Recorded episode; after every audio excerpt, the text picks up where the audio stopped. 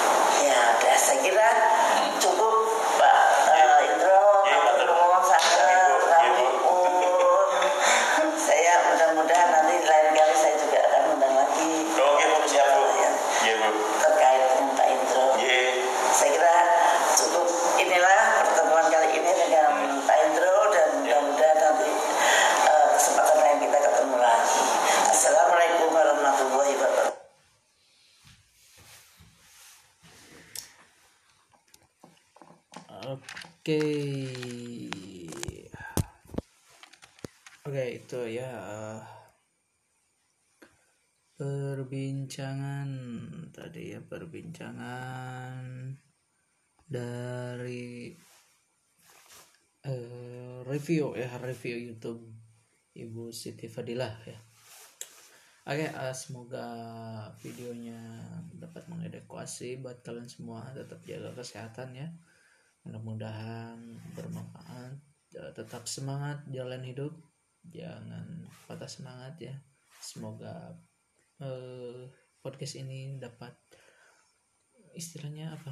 Menambah wawasan buat teman-teman semua yang mendengarkan. Oke. Saya ucapkan Assalamualaikum warahmatullahi wabarakatuh. Bye bye.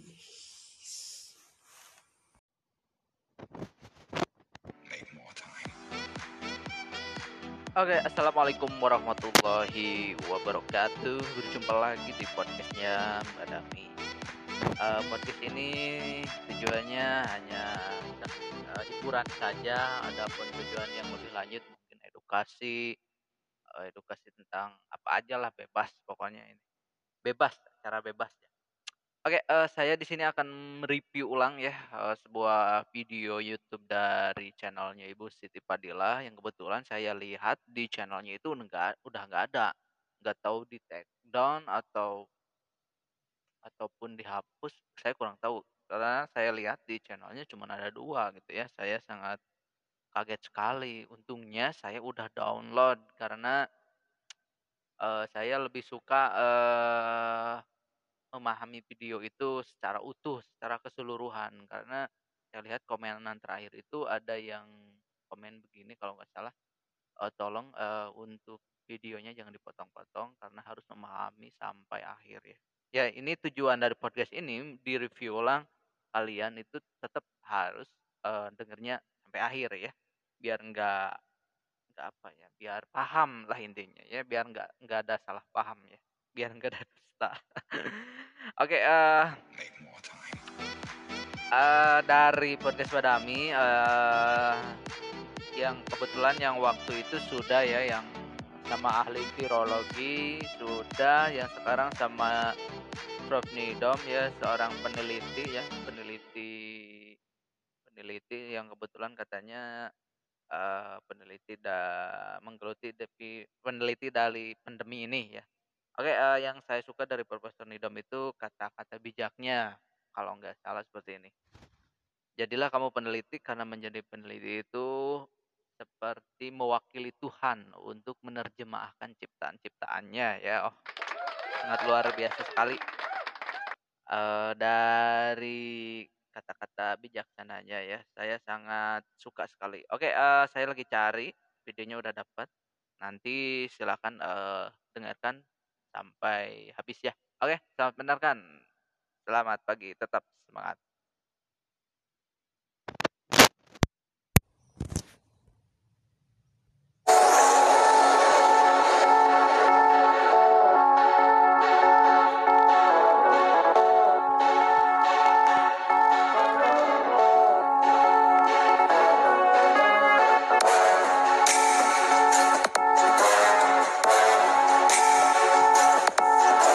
Assalamualaikum warahmatullahi wabarakatuh. Uh, selamat uh, sore teman-teman dan saudara-saudaraku yang menjadi pemirsa setia channel Siti Fadilah Supari. Apa kabar? Mudah-mudahan Anda sehat walafiat jasmani dan rohani.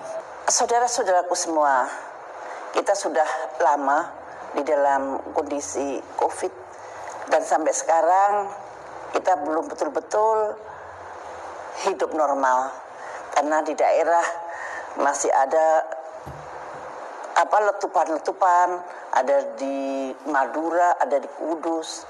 Nah, kali ini saya mempunyai tamu yang sangat ahli dalam hal itu dan sangat paham dan dia selalu meneliti seiring dengan kejadian Covid di Indonesia ini. Uh, namanya adalah Profesor Nidom. Barangkali Anda tidak uh, tidak asing lagi dengan nama itu karena beliau sangat sering di televisi.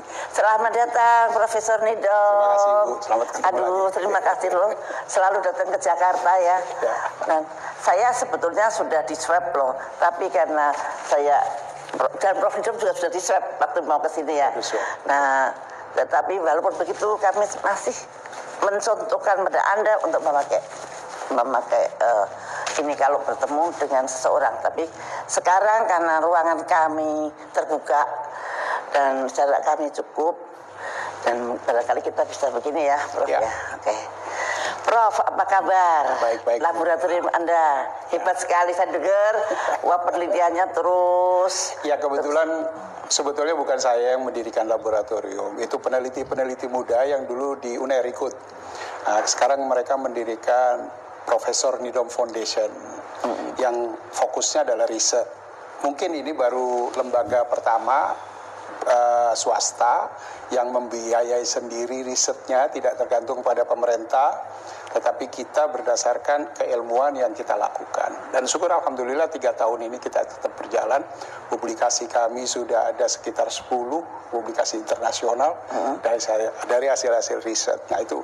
Ah, Alhamdulillah. Alhamdulillah. Jadi saya memberikan. Walaupun walaupun termehek-mehek ya. Ya, ya. Jadi saya memberikan motivasi kepada peneliti muda. Jadilah kamu peneliti karena peneliti itu ya so, seperti mewakili Tuhan untuk menerjemahkan ciptaan-ciptaannya.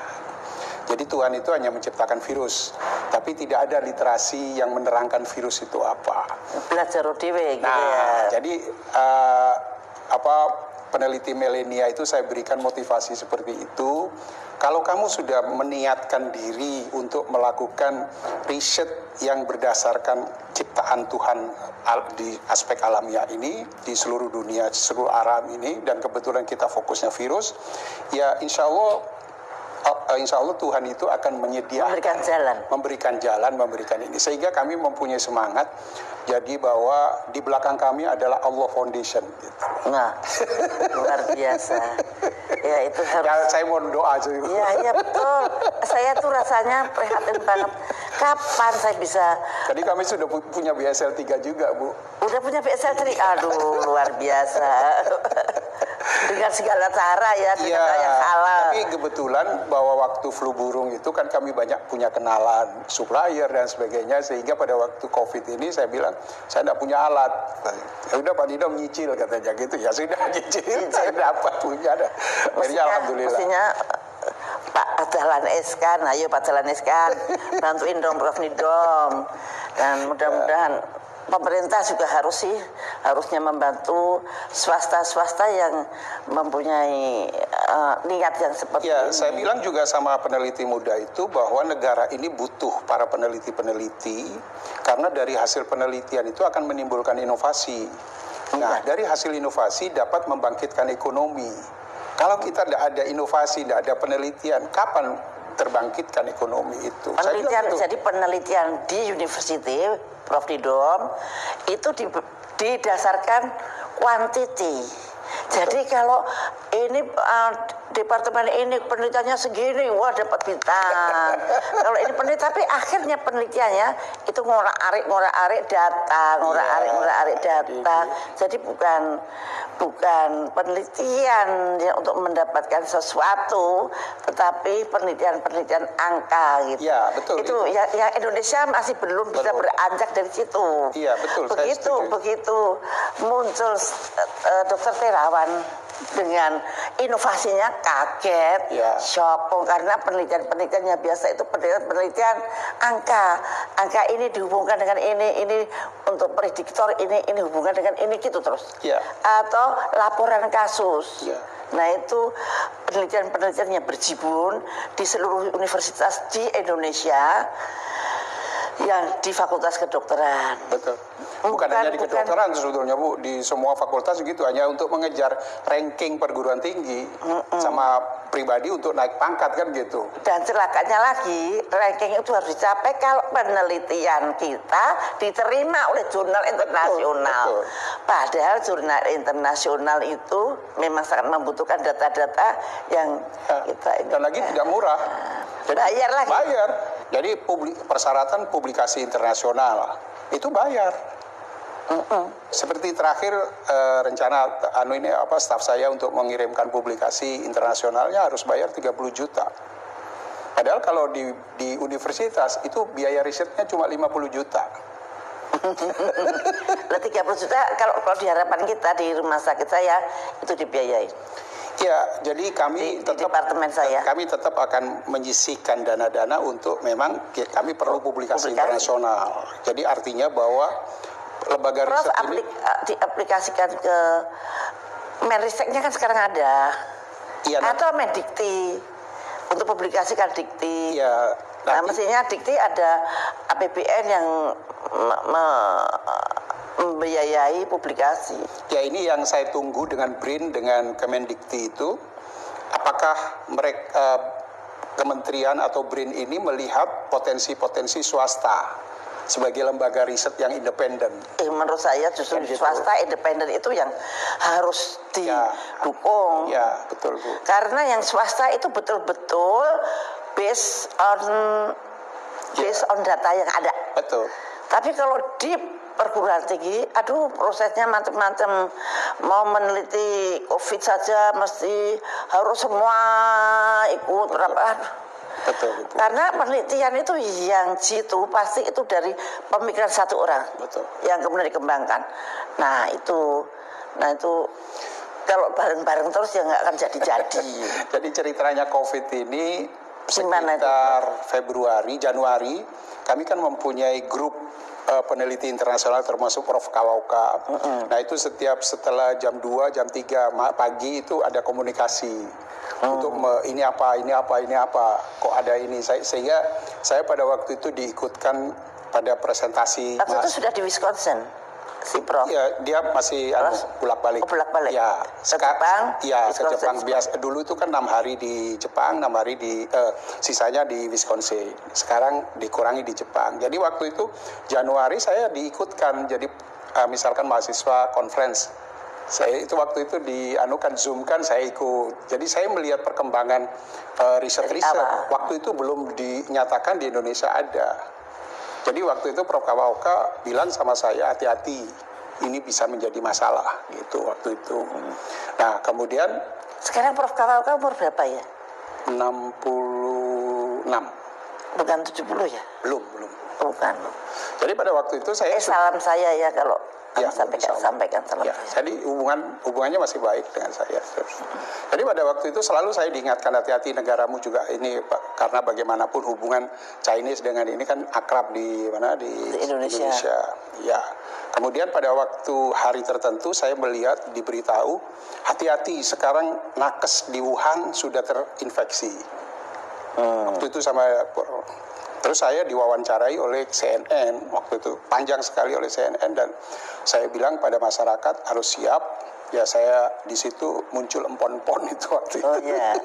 Nah jadi di situ sebetulnya tapi saya belum memegang virus waktu itu. Nah kemudian presiden menyampaikan setelah ada kasus Depok bahwa resmi itu COVID di Indonesia. Nah kemudian tim ini sudah saya gerakkan untuk bagaimana kita bisa mendapatkan virus. Itu. Akhirnya kami kan juga melayani peneli, apa pengujian-pengujian antigen Ya. dan di- nah di situ kami Sehingga Prof virus. punya Stok isolat virus, ya. untuk bahan penelitian ya, Iya, Prof ya. betul. Jadi dari situ yang positif kami pilah, kami apa bersihkan, kemudian kami simpan di BSL 3. Hmm. Nah itu ada sudah lebih dari 2000, Oh 2000 isolat. 2000 isolat. Jadi kalau kami itu dulu dengan Prof. Kawaoka itu bilangnya bahwa penelitian tanpa dapat virus nothing. Iyalah kalau nggak punya isolat orang nggak Ya, akan percaya. ya, jadi sekarang itu terus kemudian kami analisis, kami analisis virus ini mulai cerdik gitu. Saya melihat strukturnya. Eh, virus influenza itu kan ada delapan fragmen, isinya satu-satu, kemudian dia bisa mutasi sendiri-sendiri. Itu sudah kita katakan bahwa kita sulit memberantas influenza. Tetap ada, tetapi karena dia punya struktur yang itu. Tapi kalau COVID itu lebih cerdik lagi dari influenza ini. Jadi dia punya struktur yang namanya non non struktural protein, Bu. Itu ada 1 2 3 4 sampai 14. Jadi kalau misalkan dia ada eh, pengobatan analog seperti remdesivir, kan itu mengganti replikasi. Nah itu virus ini mempunyai alat yang namanya NSP14 tadi, itu dia bisa menggeser lagi. Ini bukan milik saya. Eh, Jadi dia akhirnya menggantikan anu ya anunya proteinnya dia sendiri. iya, jadi tidak efektif remdesivir. Kemudian eh, chloramphenicol, eh sorry, yang Azitromisin, bukan yang untuk itu malaria itu, kloroquine. chloroquine, itu juga begitu. Jadi virus ini mempunyai kecerdikan di dalam mengatasi lingkungan. Tidak terjaring karena dia ikatannya berputar. Nah ini yang saya cerdik. Jadi baga- bagaimana sulitnya primer untuk berubah-ubah. Betul. Jadi kami selalu mendesain primer. Nah itu kita primer beli. Jadi kami selalu, Bagaimana sih? selalu mendesain primer, dicoba lagi, dicoba lagi, dicoba lagi, begitu bu. Itu dia. Di sini kan enggak. anu kebijakan pemerintah loh. Iya. Primernya beli dari sana. Iya. Kan itu aneh, saya Ya, bilang. kami tetap beli, tapi desainnya sendiri gitu. Iya, beli tapi di, di desain kita sendiri. Betul, betul. Jadi kadang-kadang ada yang misalkan eh, berapa frekuensi eh, presentase sensitivitas dari antigen. Jadi ada kadang ada antigen yang negatif setelah kita PCR positif. Kemudian jadi oleh karena itu misalkan antigen dan apa yang alat yang baru ditemukan oleh teman-teman UGM itu sebetulnya untuk deteksi tidak cocok. Ginos. Jia Ginos itu tidak cocok. Itu cocoknya di rumah sakit. Jadi kalau pasien itu kan masih tinggi ininya, dites sebentar, oh masih ada, masih ada gitu. Nah nanti kalau pada waktu antigen tidak ada, baru PCR. Kalau di PCR sudah nggak ada, berarti sudah clean. Itu Jadi ginos itu hanya memisahkan yang betul-betul ada. betul-betul ada, betul-betul tinggi vir- viral Iya, betul-betul ada, Betul. betul-betul tinggi. Ya, tidak Ya, bisa Pak. dibuat deteksi awal. Jadi untuk memisahkan dari orang yang membahayakan dan orang yang nggak apa-apa, Ya, yang tidak menular gitu. Ya, ginos ya lumayan lah. Ya, sekali. paling nggak ada screening awal. Ya, screening Ya, awal. Sebetulnya. Ya, dan dari situ kami mempelajari terus bahwa karena memang virus RNA ini kan memang modalnya mutasi. Tetapi mutasi sekedar mutasi karena lingkungan atau mutasi fungsional itu kan yang harus terus terus menerus karena ini akibatnya atau risikonya kepada manusia kan bu. Jadi penelitian ini harus serius berbeda bukan bukan yang dulu tidak serius tapi dulu itu kan lebih banyak bobotnya pada hewan hmm. hewan mati nggak ada masalah kan gitu hmm. tapi kalau ini virus ini kan harus serius karena memang target risikonya kan manusia walaupun di manusia itu masih ditentukan oleh uh, apa komorbid tadi. Mm -hmm. Nah sekarang ini harusnya riset. Ini itu. karena karena dokter hewan itu kehilangan satu step missing link karena tidak ketahuan bagaimana reseptor hewan manusia. Ya, jadi kami sedang mencoba untuk membuat hewan-hewan percobaan yang terkait. Jadi memang ada ada tengah itu kan hilang kadang-kadang. Ya, missing link. Ya. Jadi itu mesti mesti terjawab. Kalau itu tidak terjawab, sebetulnya kita tidak boleh bisa mengatakan itu pandemik. Iya. Nah, betul. Kalau itu bukan pandemik, boleh kita katakan sebagai bioweapon atau bioterrorism, itu responsnya bukan respon public health. Ya. Responsnya harus respon militer, ya. politik, ya dan apa ya militer politik dan scientific. Ya. Makanya di Israel itu yang menangani pandemi adalah militer. Memang harus militer. Karena Pentagon itu Pentagon itu ada kayak gitu Pentagonnya. Ya, iya, militer. Karena militer. pemikiran militer dengan pemikiran sains beda. Beda. Beda. Tapi didampingi saintis. Iya, jadi kami akan menerima ini, menerima uh, ini, menerima Sain, ini. Saintis itu membuat data yang betul. Betul. Terus kemudian kemudian strateginya ditentukan oleh panglima perang ya gitu. Tapi bukan panglima perang yang kemudian menjalankan public health lah itu yang salahnya di sini salahnya di sini kadang-kadang lu di mana sih salahnya gitu iya. ini ini satu sebetulnya bukan pandemi kalau bukan pandemi caranya kan lebih bukan pakai public health gitu Betul. Jadi itu. karena ini jadi dari situ saya melihat kemudian mempelajari kemudian pertama kali kami memberikan apa memberikan publikasi itu tentang masalah ADE Bu. Jadi iya Yudi Hujat ya, kemarin katanya jadi antibody dependent enhancement mm -mm. itu saya melihat struktur virus itu ada mm -mm. tapi memang ini masih theoretical kan istilahnya hipotesis. Nah pada waktu itu di Bandung sedang menjalankan mulai menjalankan uh, tahap ketiga kami sampaikan kepada tim Bandung coba minta tolong bisa nggak ditambahi riset lagi dari serum orang yang relawan ini digunakan untuk menguji terhadap kemampuan virus dari ADE ini. Kalau tidak ada ADE, oke, okay, ada buk, ada data. Berarti virus ini memang tidak mengembangkan ADE. Tetapi kalau ada, berarti kan kita harus formulasi vaksin ini kalau memang vaksin mau diterapkan, harus ditambahi apa yang bisa mengcover ADE, ADE tadi. Itu nggak dilakukan? Nggak dilakukan dan semua hampir seluruh Indonesia menentang uh, ADE. ADE. Saya terima. Ya nggak apa-apa, pendapat apa? seorang saya. Iya, karena saya mengatakan ada ADE itu karena ada struktur di dalam virus COVID itu yang berstruktur ADE. Iya. Nah, dan itu itu hak Anda iya. dan dan sudah dipublikasi lagi sudah dipublikasi internasional. Nah, saya bilang nah. apa akibat dari ADE itu vaksin tidak akan efektif karena vaksin men, e, tujuannya adalah meningkatkan antibodi. Sementara virus ini sensitif terhadap peningkatan antibodi. Nah, lo. Nah, sehingga nanti dengan peningkatan antibodi oleh struktur virus yang ADE tadi, antibody dependent enhancement, Tambah, dia virus itu dirubah. Ya geser uh, tadi ya. Geser tadi. Jadi seharusnya lewat pintu virus itu jadi lewat jendela.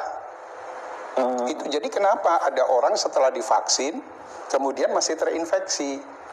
Iya, teman saya malah meninggal. Nah, itu jadi kemungkinan virus itu karena ada saya. ADE. Jadi saya selalu mengira ibaratkan bahwa antibodi itu adalah satpam di, uh -uh. di suatu rumah. Kalau normal bahwa antibodi ini pasti diusir oleh satpam, hilang sudah.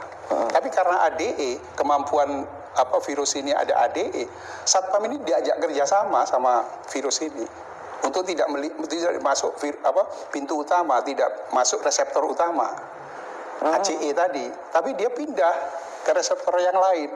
masuk mikrofag, makrofag, masuk ini segala.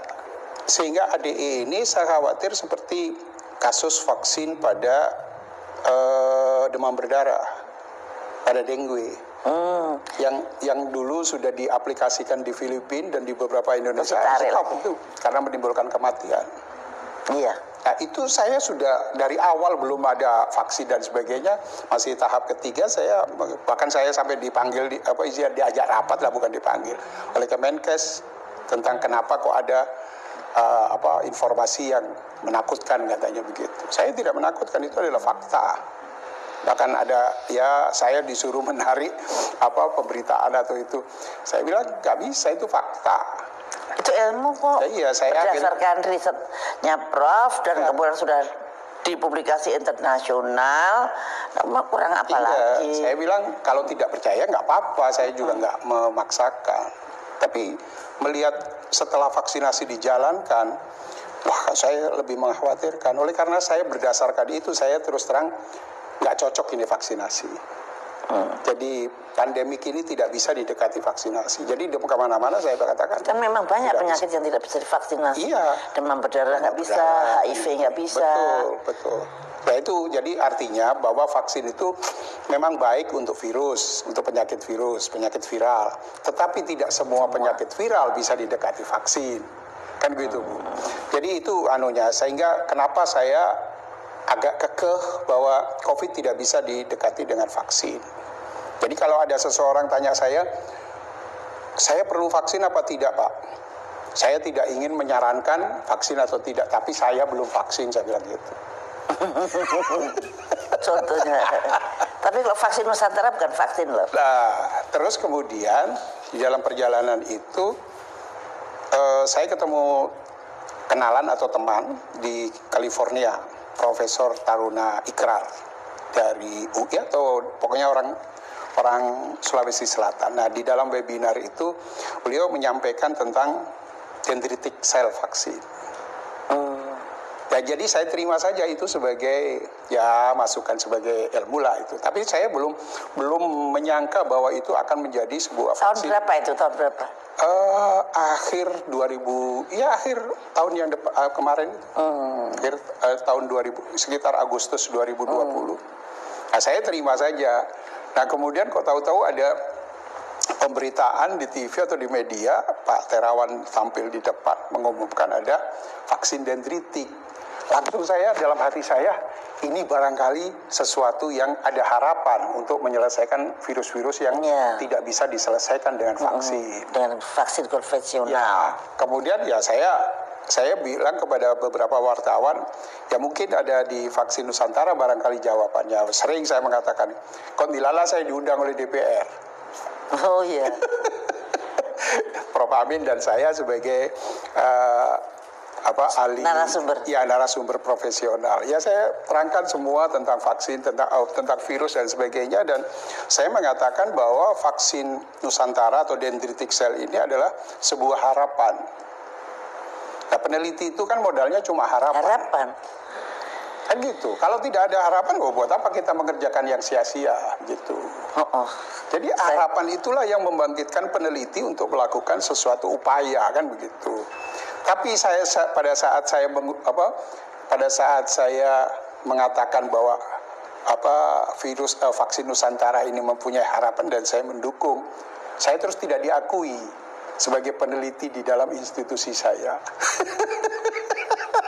Iya. Iya. Jadi Anu, Nidom university. itu Nidom itu bukan peneliti dari institusi kami gitu pimpinan itu. padahal Itulah. padahal akhir tahun lalu itu saya the big, the big five peneliti, apa penelitian saya sebagai Iyalah. seorang peneliti Dari zaman. Iya, urutan kelima dari 200 peneliti institusi itu. Dapat sertifikat dari pimpinan itu bahwa saya dapat memang the big five. Kok sekarang tidak diakui sebagai peneliti internal? Tapi nggak apa-apa lah. Jadi artinya bahwa toh anak-anak muda ini kan mempunyai lembaga. Jadi saya bisa numpang di sana. Bu. Lupa di Di PNF itu, iya. Prof sendiri. Jadi sambil membimbing yang muda, saya ikut memberikan Itulah apa, yang memprihatinkan. Sebetulnya seorang ilmuwan atau cendekiawan itu kan manusia yang terdidik manusia yang mempunyai pendidikan yang jauh lebih tinggi daripada yang lain. Seharusnya udah berjalan aja dalam scientific tidak usah takut dengan politik ya. Sebetul, seharusnya begitu kan gitu bu. Maksudnya ini bukan manusia politik, ini bukan urusan politik, tapi ini urusan kebenaran. Betul. Betul. Kalau kalau anda berpendapat itu anda bertanggung jawab dengan pendapat anda. Ya. Institusi bisa bisa berhubungan, bisa tidak berhubungan. Betul. Oh, Kalau saya jadi kepala institusi saya bisa begitu.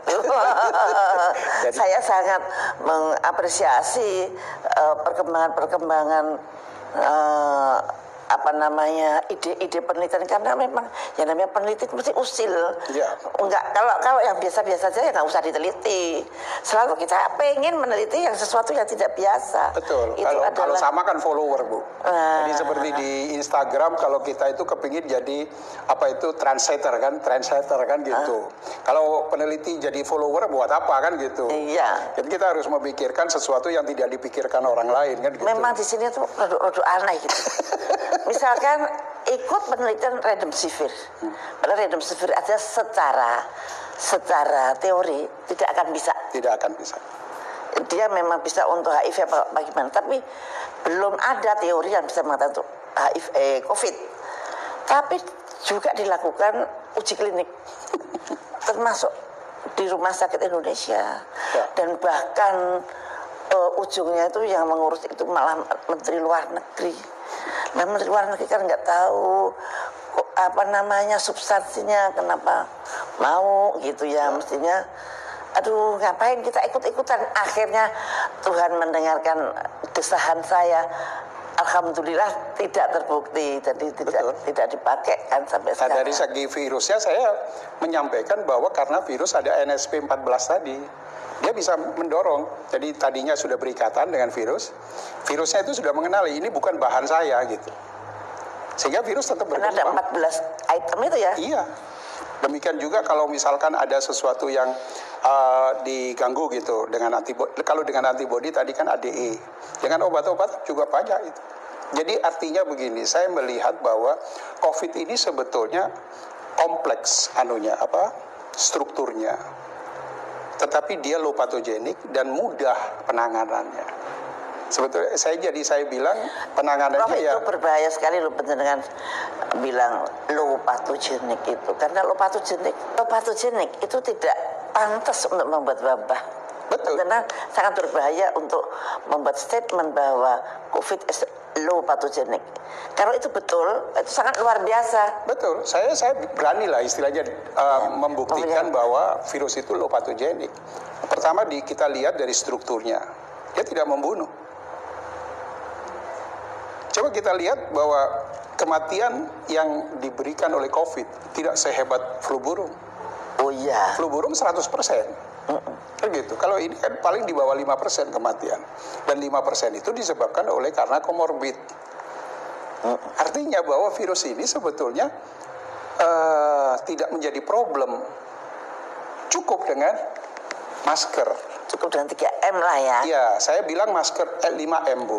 ya 5 M Satu masker, nomor Dua dua masker. tangan. Enggak bu, nomor dua masker, nomor tiga masker, nomor empat masker, nomor lima empon-empon. Pon-pon itu 5 M-nya Prof Nim Ya, IMM saya. Artinya bahwa masker itu adalah alat pertahanan utama. Tapi masalahnya bahwa di kita pem- pemakaian masker itu kan mengganggu karena tidak biasa. Jadi beda ya, kalau- beda dengan di Jepang kan Bu. Beda di Jepang. Orang kalau sakit di Jepang pasti memakai masker. Tujuannya adalah dia tidak ingin menulari orang lain. Kan gitu. Kalau kita menutup mut, anu hidung berarti seolah-olah kita tidak mau membau dari orang lain. Sebelah kita bisa ya. sebelah kita bisa tersinggung. Ya. Itu budaya yang belum pernah disentuh. Harusnya kan disentuh bahwa masker ini adalah melindungi untuk orang lain. Di samping melindungi kita dari lingkungan. Yang kedua, dengan kita menutup bahwa virus itu tidak masuk ke dalam saluran pernapasan di mana reseptor ada di situ, maka dia akan mati di luar. Jadi mati di luar itu bukan karena kita tantang, karena memang Dia nggak bisa makan. Ya, lingkungan yang mati. Dan itu saya anggap Jadi sebetulnya menurut saya nggak benar juga ya dia bisa 9 jam dihandle pintu bisa ini aduh Ya artinya bahwa itu boleh saja kalau misalkan 9 jam dan sebagainya. Tapi artinya kalau mati dia, tapi ya kalau dia misalkan tidak bisa masuk ke dalam mulut dan hidung kita juga tidak ada masalah.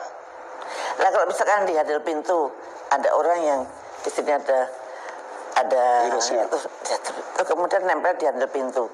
Terus kemudian orang lain lagi pegang itu. Ya sel- selama tangannya tadi tidak ke sini dan di ya. sini juga ter, apa Tertutup. tertutup nggak apa-apa. Nah, tuh. Jadi jangan takut ya, karena ada orang yang ketakutan banget sampai kalau apa bajunya semua langsung dicuci. Bukan bukan di situ. Jadi artinya bahwa kalau misalkan baju dicuci dan sebagainya itu memang uh, proteksi yang maksimal kan gitu. Tetapi bukan di situ filosofinya. Filosofinya itu adalah masuk di dalam Hidung. hidung dan mulut. Nah kita itu kan kadang-kadang merokok, kemudian ada orang yang itu terus mer- apa merokok membuka ini. Lama-lama ini namanya jenuh mereka sudah nggak ingin masuk. Ya itu karena filosofinya. Kita lihat di Jepang persentase kematian juga rendah. Karena karena disiplin pakai masker. Betul. Pertama masker, yang kedua komorbid diperhatikan. Itu. Nah, Garda ada di rumah sakit. karena di rumah sakit. Jadi rumah sakit itu untuk yang betul-betul membutuhkan rumah sakit. Betul. Jangan yang seringan-ringan bisa ke rumah sakit. Tidak Kasihan. tidak harus bahwa yang positif apa antigen terus kemudian masuk di isolasi, malah tambah stres. Lebih baik eh, biar isolasi di rumah. Yang masuk rumah sakit itu adalah orang yang punya komorbid dan menunjukkan gejala. Iya betul. Kan itu sehingga beban rumah sakit itu menjadi bisa teringankan. Kalau itu pendapat saya seperti itu melihat itu sehingga virus ini betul-betul kita perhatikan mau dia mau cerdik ke mana gitu. Nah sekarang sudah banyak varian-varian jadi varian Nah luar itu saya sekarang mau tanya. Menurut Prof, sekarang sudah banyak lagi varian-varian dan kemudian eh, apa namanya manifestasi klinis juga bermacam-macam. Ada yang mencret, ada yang nggak batuk, nggak panas, nggak pilek, tiba-tiba mati katanya. Nah itu eh, sebetulnya seperti apa sih Jadi begini, yang namanya mutasi itu? ya jadi prinsip dari virus ini kan masuk di dalam pembuluh darah. Nah kemudian semua aliran pembuluh darah itu akan terpengaruhi oleh eh, aktivitas virus ini, replikasinya. Jadi kalau dia mempengaruhi pembuluh darah di daerah perut, maka dia manifestasinya diare. Kemudian kalau dia eh, mempengaruhi apa eh, pembuluh darah di daerah jantung, dia pengaruh eh, manifestasinya ke jantung. Jadi seperti itu. Nah, itu yang dianggap bahwa eh, virus ini jadi ganas gitu loh. Sebetulnya bukan virusnya yang ganas karena dia memang ada aliran ke darah itu. Ya karena karena kalau virus itu yang jelas dia itu akan menginduce inflammatory mediators jadi Betul. meledak gitu seperti cytokine, chemokin dan sebagainya itu. Nah itulah yang tergantung dia ada di mana. Kalau dia ada di pankreas ya dia akan meningkatkan gula, terga- Betul. di j- jantung dia akan membuat penjedalan darah yang yang Betul. yang paling bahaya adalah mengentalkan darah itu dan darah gampang menjedal dan darah kalau menjedal kalau lari ke otak ya jadi stroke, lari ke jantung jadi sakit jantung itu yang mati. Ya. Nah itu Jadi itu karena dia membuat apa itu koagulasi darah itu jadi dimir itu ya kecil-kecil gitu. Ya. Yang katanya Pak Dahlan Nah. dawet itu. Iya, kayak dawet. Nah itu, nah itu, itu apa namanya? Tapi kalau orang yang tidak mempunyai komorbid, don't worry ya. Kenapa? Oleh karena Mau itu, kena pun juga nggak apa-apa. Jadi oleh karena itu sebetulnya dia menginfeksi pada anak-anak itu kecil kemungkinan. Mm-mm. Jadi pada masa anak-anak sekolah SMA ke bawah kecil. Tapi ada beberapa laporan bahwa sudah masuk kepada anak-anak. Berarti virusnya ini sudah mutasi kepada Ya, anak-anak. tapi saya baca laporan dari UI, anak-anak yang meninggal itu adalah semua dengan komorbid. Oh ya, berarti Semua. kan kaitannya komorbid. Iya, komorbid Jadi lah. sekarang itu harusnya pemerintah meng- mengamati atau memonitor tentang komorbid masyarakat. Iya. Mau diapakan ini? Tesnya digratiskan atau mau Atau apa? dikasih vitamin. Atau dikasih vitamin. Jadi ada riset sendiri gitu loh. Iya, misalkan yang komorbid dikasih vitamin D3. Ah. Karena ada penelitian kalau vitamin D3 dalam darah kurang dari 20, kalau kena COVID mati. Betul. Tapi kalau 20 sampai 30, ah itu kena COVID sakit di rumah sakit, mau ngos-ngosan kayak mau termehek-mehek kayak, tapi masih hidup. Masih hidup. Di atas 30 OTG. Nah, ini Bu angka ini Bu dicermati gitu. Kalau memang nggak percaya kita ulang lagi Betul. untuk untuk populasi Indonesia dan kalau itu memang terbukti kan itu bisa untuk pegangan. Betul. Nah begitu kalau gitu komorbid semua diperiksa. Betul. D3 dalam darahnya. Kalau D3 dalam darahnya ternyata rendah kita Tambahin, krocokin. Nah udah. Kalau perlu ada fortifikasi. Nah, fortifikasi untuk yang komorbid. Ya, jadi seperti dulu ada fortifikasi vitamin A di apa gitu Ya. kan. Sekarang dibuat itu. Jadi Ya, industri ya farmasi begitu. dibuat apa Ya fortifikasi. karena kebijakan tidak berdasarkan suatu fakta yang terjadi di lapangan. Sebetulnya penyakitnya seperti apa sih? Betul. Ya, seperti apa sih gitu. Memang public health penting, bukannya kita tidak mau dengan health, bukan tidak atau menyepelekan health enggak. Health punya peran penting, tapi menurut saya ada di koridor Ya. begini. Tapi untuk menghadapi pasien itu tetap tetap eh, ilmu Ya, kedokteran, ilmu virologi, Epidemiologi dan sebagainya itu lebih banyak sebetulnya kepada patogen yang stabil sebetulnya. Sehingga kita bisa memperkirakan kapan muncul, kapan ini dengan ilmu statistiknya. Tapi kalau patogen itu baru, di mana perubahan karakter itu sangat cepat, itu memang sulit kalau hanya sekedar misalkan, oh orang ini tidak boleh ke sana karena ini. Kemudian satu daerah, Depok membuat kebijakan sendiri, Jakarta membuat kebijakan sendiri, nggak bisa itu. Karena dinamika dari virusnya sangat tinggi. Kalau saya takutnya nanti ada ilmu, ilmu yang bisa direkayasa untuk menghadapi wabah bagi eh, apa namanya public health response harus begini. Waduh silakan. Iya. Kalau public health response padahal saya sangat mengharap pada public health respon itu misalkan begini. Virus itu mempunyai sifat untuk menular. Virus itu menularkan itu dengan dengan pola-pola yang tertentu. Udah, iya. Nah, penularan di Wuhan itu kan kayak granat. Iya. Hmm, gitu. Nah, itu apa ada di literatur? Nah itu. Betul. Nah, kalau penularan itu tidak cocok dengan seharusnya, maka itu berarti rekayasa. Betul. Dan kalau itu rekayasa, responsnya harus completely bukan hanya dengan public health Iya, gitu. betul Bu.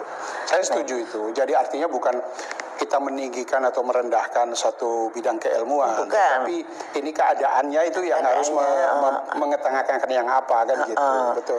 Prof, untuk jangka panjangnya kita menghadapi virus-virus seperti ini seperti apa, Prof? Ya mungkin akan seperti influenza Bu. Jadi dia akan menemukan keseimbangan tersendiri. Nanti suatu saat menjadi keseimbangan sendiri. Masyarakat menyadari komorbid harus dibetulkan dan sebagainya. Sehingga influenza apa virus eh, COVID ini akan menjadi sebuah virus yang akan kita terima seperti virus influenza. Jadi kesiapan kondisi badan kita yang menentukan gawat tidak gawatnya.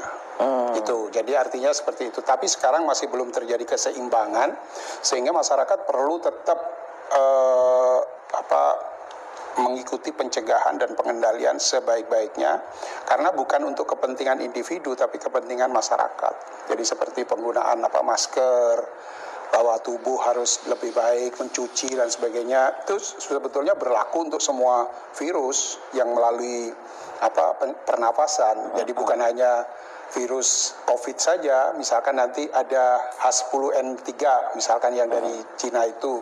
Jadi kita tetap menggunakan Tetap masker, masker. masker itu. Jadi artinya bahwa sekarang perlu ada sosialisasi berdasarkan budaya pengaitan dengan masker. Bagaimana orang Indonesia bisa memakai masker seperti orang Jepang. Jadi masker itu adalah sebuah kebiasaan yang terkait dengan kehidupan sehari-hari. Nah, itu itu saya saya melihat di situ. Nah itu tugas Kemenkes itu seharusnya tugas Kemenkes itu. Ah, Nah sekarang saya tanya Prof, banyak berita-berita dari luar yang berseliweran di medsos. Saya kadang-kadang kesel. Aduh, kalau itu kita yang baca, kita punya backup data backup pengetahuan di sini punya ini oh bisa mempertimbangkan. Tapi kalau orang awam yang baca menakutkan betul. Misalkan mengatakan virus itu bohong virus itu tidak ada. Virus itu uh, itu bikin bikinan aduh jadi jadi apa namanya rakyat itu bingung. Banyak saya mendapat medsos medsos itu dikirimin orang ini betul nggak bu ini betul nggak waduh ini saya kesel sama yang menyebarkan Iya. kok yang ini kok sebagai ngomong awam bikin takut aja lah gitu nah Ya, itu it- menurut jadi Prof. itu gimana? yang saya melihat dari akademis, sisi akademis. Kita harus bisa membedakan suatu wabah itu disebabkan oleh virus alam atau virus buatan. Itu yang Rekayasa ya? Iya, itu yang harus segera diaktifkan. Jadi di mahasiswa saya juga sudah saya mulai menuju ke situ. menuju ke situ. Sehingga nanti ada kemampuan tatkala ini suatu wabah terus kemudian langsung di ini kan langsung diuji. Ini virus alam atau virus buatan itu harus ada seleksinya sudah. Tidak seperti sekarang. Jadi artinya begini saya tidak menolak ada anggapan bahwa ini suatu virus buatan. Karena memang virus bisa dibuat di lab bisa dibuat bisa direkayasa yang disebut dengan rekombinan tapi tidak semua virus bisa menyebar melakukan sesuatu itu pasti ada kajian di dalam laboratorium. Jadi kalau saya memberikan ibarat, kalau teroris itu bisa dikerjakan di garasi. Kalau biologi- biological weapon itu pasti di laboratorium. Karena tidak semua orang bisa dan tidak semua orang bisa dikerjakan di sembarang tempat. Nah, itu kan kemampuan-kemampuan itu yang segera harus di Iya, nah makanya tadi harus punya strategi perang, Iya. militer, strategi Iya. militer, Iya. strategi politik, Betul. dan strategi ilmiah. Ini ini saya substantif. Strategi substantif tidak bisa dipisahkan dengan langkah-langkah politik. Substansi tidak bisa dipisahkan dengan langkah-langkah militer. Nah ini dampaknya di Indonesia belum, belum, ya betul. belum, belum. Di aspek politiknya Belum lebih ini ya. Politiknya pun politik berbeda lagi. Maksud saya politik itu politik untuk menghadapi kayak begini. Ya, artinya- Bukan politik di dalam negeri yang under-underan, tapi politik untuk menghadapi pandemi untuk menyelamatkan rakyat. Begitu. Jadi sebetulnya militer harusnya mengamati dengan ini, tapi jangan nggak usah terjun ke public health. ya. Saya dulu begitu flu burung itu langsung bin merapat, Bais merapat, ini merapat, Betul. Panglima juga paham gitu. Waktu saya, saya jadi dan kebetulan presidennya pada waktu itu memberikan otoritas yang sangat luas pada saya atasi lah gitu. Jadi saya pede untuk melakukan apa pun juga. Pede untuk membuat kebijakan. Betul. Tapi karena saya yakin kalau presiden itu pekerjaannya banyak banget. Yaitu kalau presiden itu harus mengatasi pandemi, harus mem- memeras otak untuk mengatasi pandemi, yaitu menurut saya kok ya kebablasan gitu kasihan dong dia pekerjaannya kan banyak yang harus diurus. Tapi herannya seluruh dunia itu presiden loh. Presidennya pada maju. Termasuk Presiden Tanzania yang menolak vaksin. Presiden. Satu heran banget. Saya dulu cukup menteri. Dan saya berjuang di WHO itu dengan menteri kesehatan seluruh dunia. Ya. Ayo kita menteri kesehatan mau apa ini? Mau Anda dikasih wabah? Tidak mau. Ayo kalau nggak mau di belakang saya. Nah itu waktu saya di WHO begitu.